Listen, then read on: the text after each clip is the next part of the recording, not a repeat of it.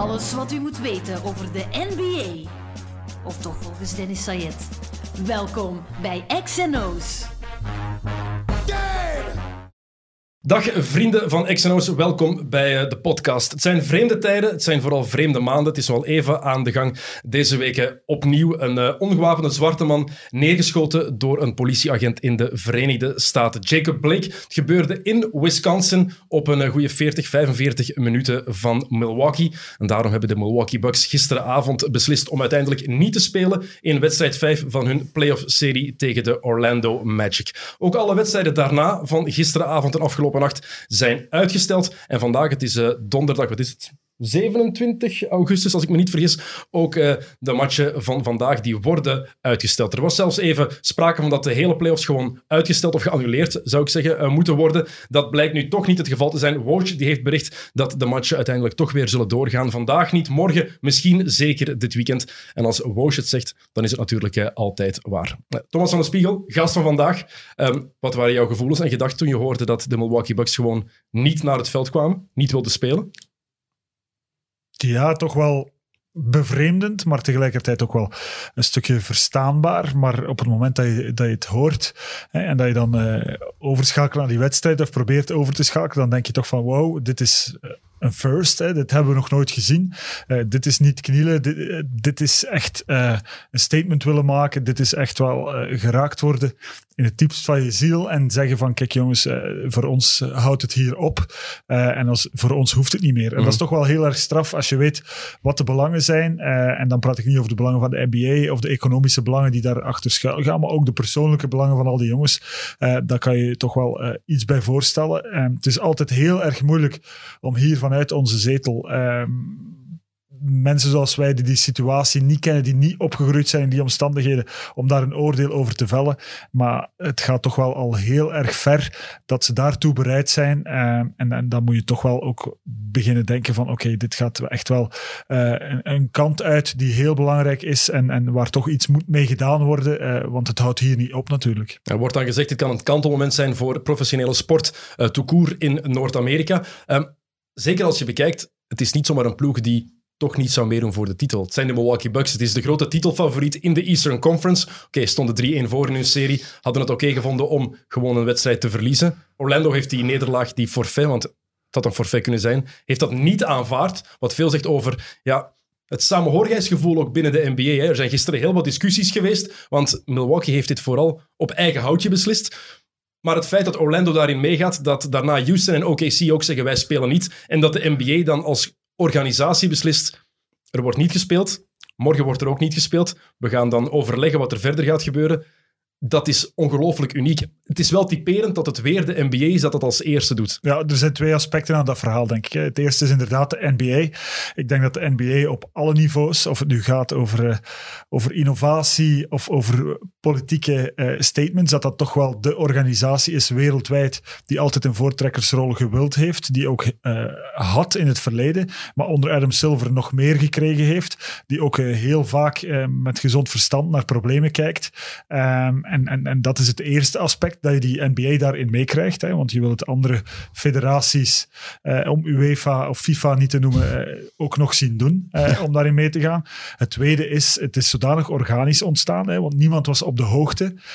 dat het toch wel ehm, veel sterker is dan dat alle ploegen op voorhand hadden gezegd van wij gaan vanavond niet spelen. Nu is het, het zijn de Bucks, eh, omwille van ook een beetje eh, natuurlijk die persoonlijke connectie die ze hebben, eh, waar het allemaal begonnen is. Maar als je dan ziet hoe snel iedereen beseft van ja, dit klopt eigenlijk wel en hierin moeten we mee, dat, dat geeft nog eens aan hoe diep het eigenlijk allemaal zit en, en, en hoezeer er men van overtuigd is dat, dat er iets moet veranderen. En het gaat verder dan sport. Hè. Je zegt het is een kantelmoment voor de professionele sport. Ik denk dat het gewoon een stuk verder gaat dan sport. Uh, men gebruikt sport en het platform dat men heeft uh, als sporter, als atleet, als Afro-Amerikaanse atleet. Want de NBA is natuurlijk nog altijd Afro-Amerikaans gedomineerd, zoals de meeste uh, Amerikaanse sporten.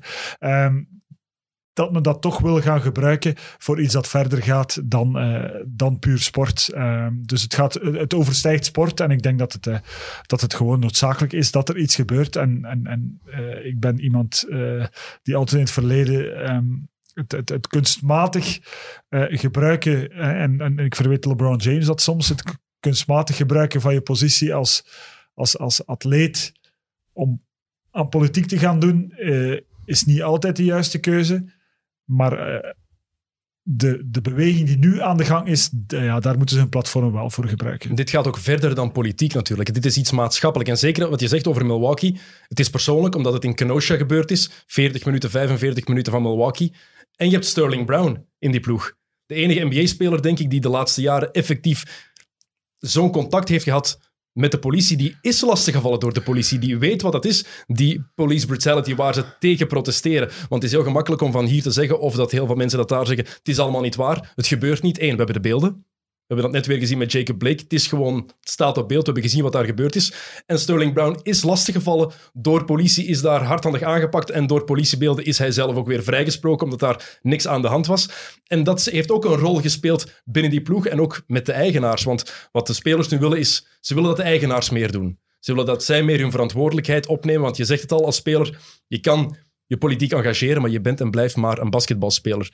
Als je kijkt naar de eigenaars, die hebben allemaal politieke connecties, hebben allemaal een lijntje uitleggen.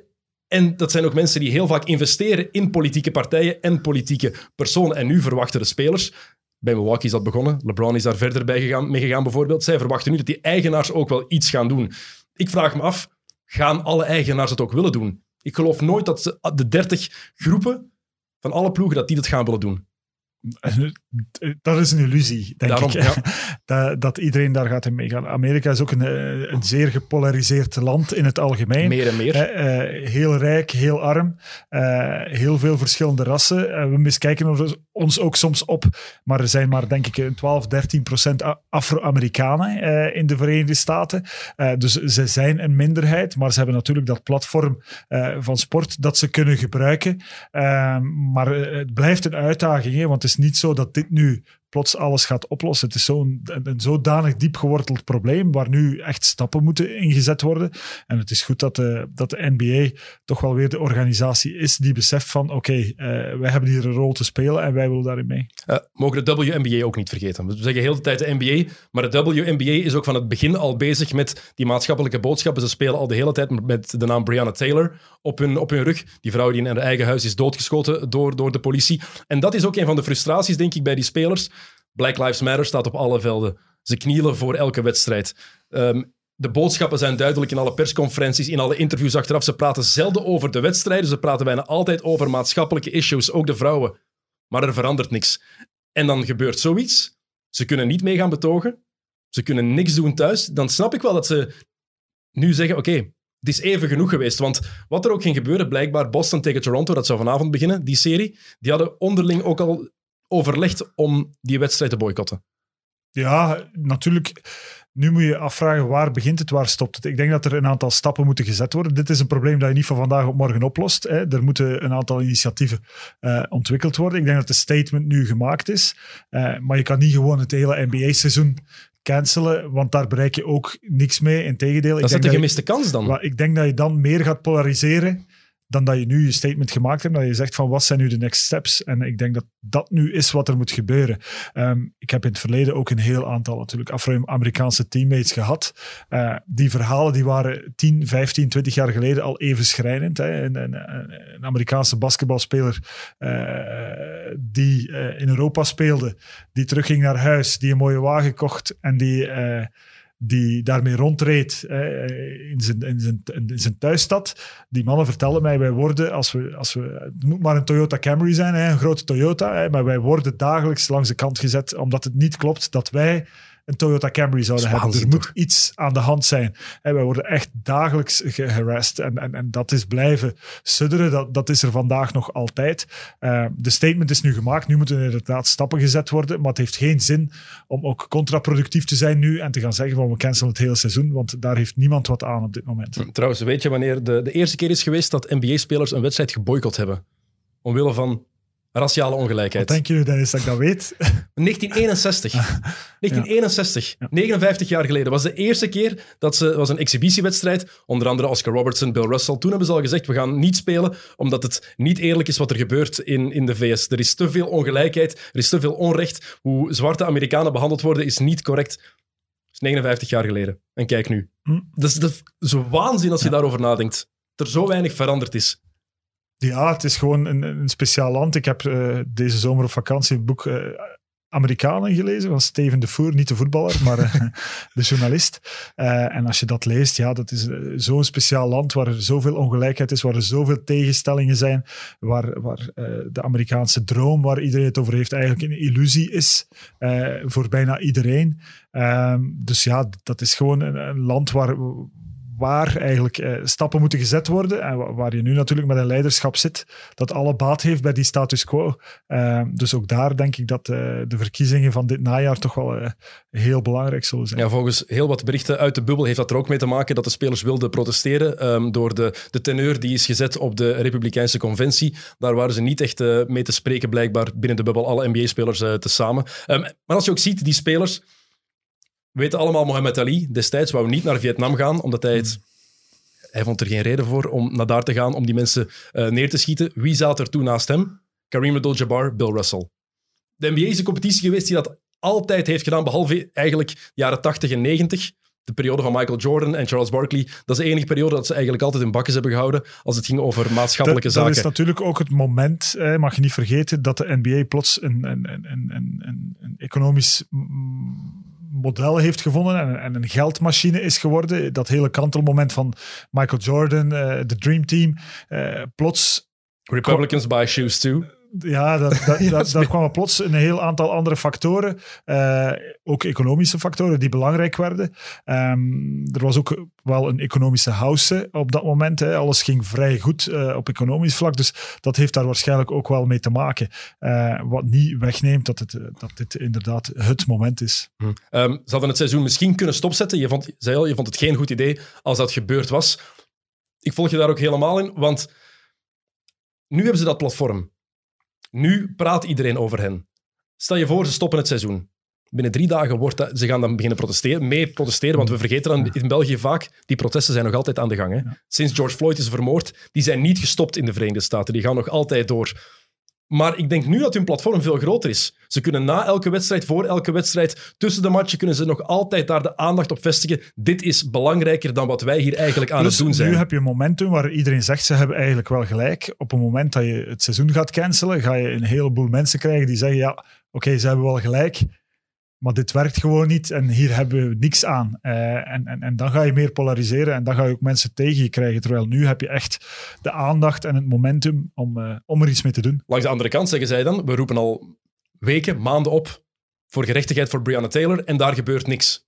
Dus misschien moeten we daar dan wel mee stoppen om daar nog meer aandacht voor ik te denk krijgen. dat je, de aandacht is er op vandaag. Hè. Het is gewoon iets dat je niet, wat ik daarnet zei, het is niet iets dat je van vandaag op morgen oplost. Er moet iets gedaan worden, er moet een beleid daar rondkomen. Maar dat krijg je niet zomaar uit. Hè. Je praat er zelf net over. Het, duurt al 59 jaar en zelfs langer. Hè. Eh, sinds de slavernij eigenlijk. Want dat, dat zijn nog altijd de naweeën van hoe Amerika eigenlijk ontstaan is, waar we het nu over hebben. Eh, dus dat los je niet zomaar op door nu te zeggen van we gaan even eh, het seizoen cancelen en we gaan blijven protesteren tot daar iets mee gebeurt. Ik denk dat er nood is aan meer dan dat. Vind jij het eigenlijk oké dat ze daar elke keer op blijven hameren in hun antwoorden? Dat ze ook gewoon de vragen vaak negeren van journalisten, maar dat ze constant over die maatschappelijke issues beginnen. Kijk naar Doc Rivers bijvoorbeeld, die in mijn ogen een heel mooie emotionele ehm, speech heeft gehouden. Wat was het eergisteren, denk ik? Ehm, die daar echt dingen zegt die gewoon wel aankomen. Maar ze houden zich daar vooral mee bezig. Ik begrijp dat. Ik heb daar ook geen probleem mee, maar ik ben benieuwd wat jij ervan vindt eigenlijk. Jij bent een ex- ex-prof-atleet. Zou jij dat gekund hebben om altijd puur over maatschappelijke zaken te praten en echt die sportvragen te negeren? Ja, wij zitten natuurlijk in een heel andere situatie. Het is moeilijk om, ja, ik weet het dat het ja, heel moeilijk is om je te verplaatsen. relateren. We zijn, wij zijn Europeanen. Wij- ons sportmodel zit ook gewoon helemaal anders in elkaar. Hier wordt het ook niet geapprecieerd. Als je als atleet Kijk naar Romelu. eh, een platform gaat je platform als atleet gaat gebruiken om, om daar andere dingen mee te doen. Dus het is zeer moeilijk om je daarin te verplaatsen. Maar ik versta wel dat men daar blijft op terugkomen eh, en dat men wil dat er toch wel iets gebeurt. Mm, ehm, trouwens, Doc Rivers, die ehm, meer dan terecht ook zo emotioneel vaak wordt, eh, wat veel mensen niet weten. Doc Rivers heeft in San Antonio gewoond, heeft daar gespeeld.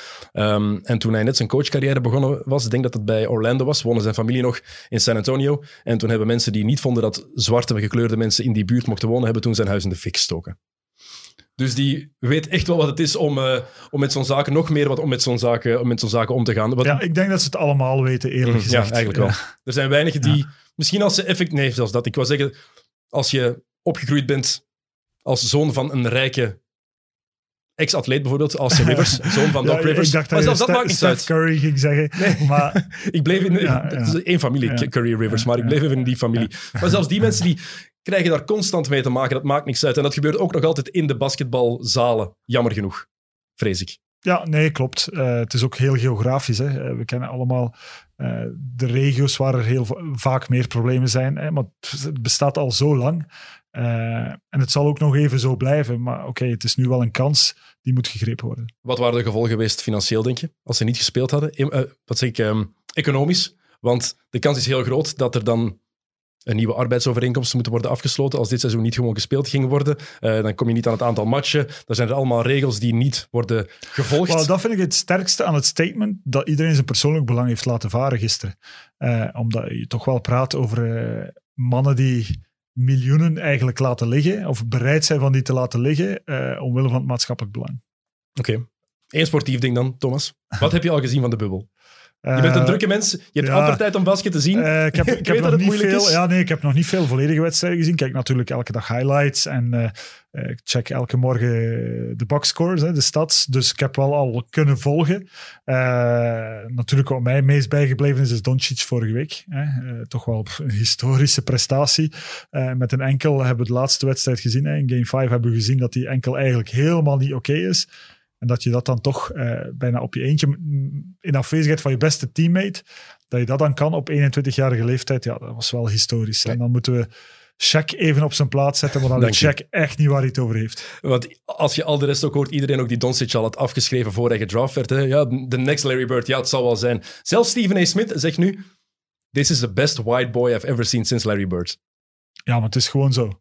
Eh, noem een andere. Eh, Dirk Nowitzki, Manu Ginobili, Pau Gasol, je kan heel wat Nee. grote spelers hij is noemen. 21, hè? Ja. Maar leg, Dus- leg jij dat nu eens uit, want ik ben een te grote fanboy aan het worden van Luka Doncic, denk ik. Tenminste, Eh. dat denken heel veel mensen. toch. Wat, maakt die zo speciaal? Eh, je, je hebt zo van die mensen die gewoon ja, geboren. Ik zei altijd, je wordt geboren om basket te spelen. Ik heb met zo'n aantal mensen gespeeld. Op Europees niveau had Mirotic dat bijvoorbeeld. Eh, ik heb daarmee getraind toen die 15 was. Dat zijn van die mannen, ja, die staan altijd op de juiste plaats. Die nemen in, ja, instinctmatig altijd de juiste beslissing. Die, die lezen heel makkelijk. Ja, die hebben een, bepaalde vorm van talent die, die verder gaat dan puur het fysiek of puur het basketbaltalent. Die hebben gewoon een, ergens een talent waardoor ze het spel snappen zoals niemand anders het snapt. En dat is eigenlijk een beetje bij Doncic, die ik al volg sinds hij 12 was. Hè. Is hij op zijn twaalfde verhuisd naar Madrid eh, met de familie om bij Real te gaan spelen. Hij heeft alle jeugdreeksen van Real doorlopen. En dan wist je al van dit wordt gewoon... Ja, toen werd hij al de Messi eh, van het basketbal genoemd. En dat was hij ook gewoon. Hij speelde als 12-jarige met 16, 17-jarige, domineerde die volledig. En hij, het, het straffe is dat hij dat op alle niveaus waar hij in terechtgekomen is, altijd heeft kunnen doortrekken. En eh, NBA, de stap leek heel erg groot, maar oké, hij was wel de MVP eh, in de Euroleague dat jaar. Dus je kan bijna niet anders dan denken van als hij het niet kan, dan kan niemand het. En hij heeft bewezen natuurlijk dat hij het wel kan. Het is echt spectaculair, want het ziet er niet altijd even getalenteerd uit, maar de manier dat hij het spel leest, de manier dat hij het spel gewoon veel beter snapt dan gelijk wie of vandaag in de NBA, is super straf. Het ziet er soms uit als een speler die al 40 jaar gebasket heeft. Ja, zo, Op het hoogste niveau, die alle ervaring, alles al Ja. meegemaakt heeft en perfect weet wat hij moet doen. En op zijn oude dag zegt, ik zal nog eens mee gaan doen en iedereen een pak geven. Dat is hoe dat het soms lijkt bij Doncic. Ja, en zo, maar zo speelt hij ook gewoon. En, en het gebrek aan atletisch vermogen hij is geen slechte atleet, maar hij is ook geen spectaculaire atleet. Maar om, om dan in de NBA dominant te kunnen zijn, dan moet je gewoon iets hebben dat de anderen niet hebben. Want anders word je gewoon atletisch gedomineerd. En, en, en hoe hij dat heeft, dat is echt, ja, dat is gewoon elke keer een clinic. Hij doet altijd het juiste. Hij leest de verdediging perfect. Hij weet wanneer hij zelf moet finishen, wanneer hij voor, voor, die, voor die open teammate moet gaan. Hij weet altijd perfect waar die staan. Dat is het. Hij Ja. zie- En hij ziet ook angles, hoeken, die heel veel andere spelers niet zien. En die lijkt, als je gewoon zit te kijken, dan lijkt het vaak eenvoudig. Maar hij ziet spelers staan waarvan ik denk, moet terugspoelen, hoe heeft hij die godsnaam vanuit die Ja, hoek zien en staan? iemand die dat ook heeft, is LeBron. Maar LeBron kijkt wel boven de defense de hele tijd. Hij heeft dat atletisch vermogen om zelfs als hij iets fout doet, om dat toch nog te kunnen co- corrigeren met een goede kick-out, met een goede pas. Eh, bij Doncic, die weet dat eigenlijk al voor hij aan die actie begint, waar hij wil uitkomen. En dat is, eh, hij, hij- hij kiest echt zijn opties perfect. Het is eh, Goed, waanzinnig. wat heb ik nogal gezien?